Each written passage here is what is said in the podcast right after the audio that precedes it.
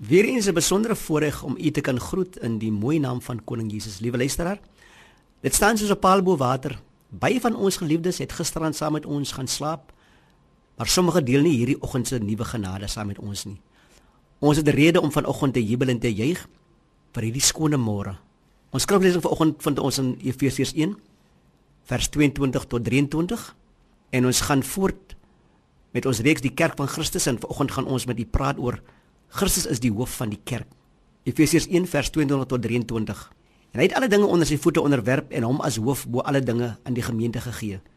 Vers 23 wat sy liggaam is, die volheid van hom wat alles in almal vervul. Liewe luisteraar, die kerk van Christus is een groot liggaam van gelowiges. En ons het slegs een hoof. En dit is Jesus Christus homself. Geliefdes, hy is ons lewe.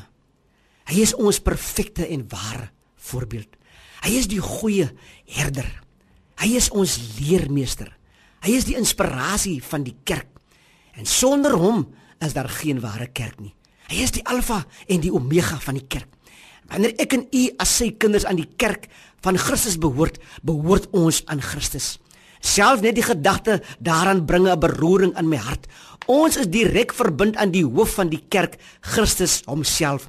Ons daaglikse verhouding is met die Here Jesus Christus homself. Hy is die een wie ons lei. Hy is die een wie ons die weg wys. Ons lees ook in Efesiërs 4 vers 15.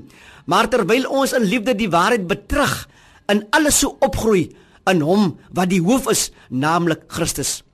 Liewe luisteraar, die apostel Paulus gee vir ons 'n voorbeeld in Efesiërs 5 vers 23 van die verhouding tussen man en vrou. Want die man is die hoof van die gemeente en hy is die verlosser van die liggaam. Die apostel Paulus beklemtoon dit oor en oor in verskeie teksverse dat Christus is die hoof van die kerk. Liewe luisteraar, mede-pelgrim, wees bly in hierdie oggend dat u 'n lid is van die liggaam van Christus en dat u 'n direkte verhouding en verhouding het met die hoof van die kerk, Christus Jesus, ons heiland en ons koning.